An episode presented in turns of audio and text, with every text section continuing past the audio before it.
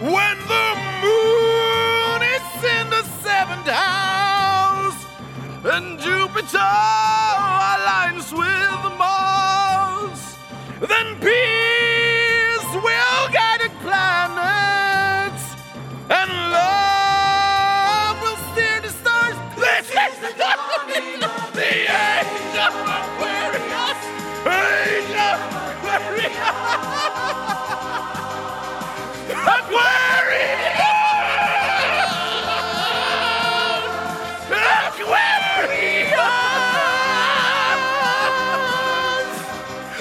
Harmony and understanding, sympathy and trust abounding. Most derision, all the living dreams of visions, mystic crystal revelation, and the mushroom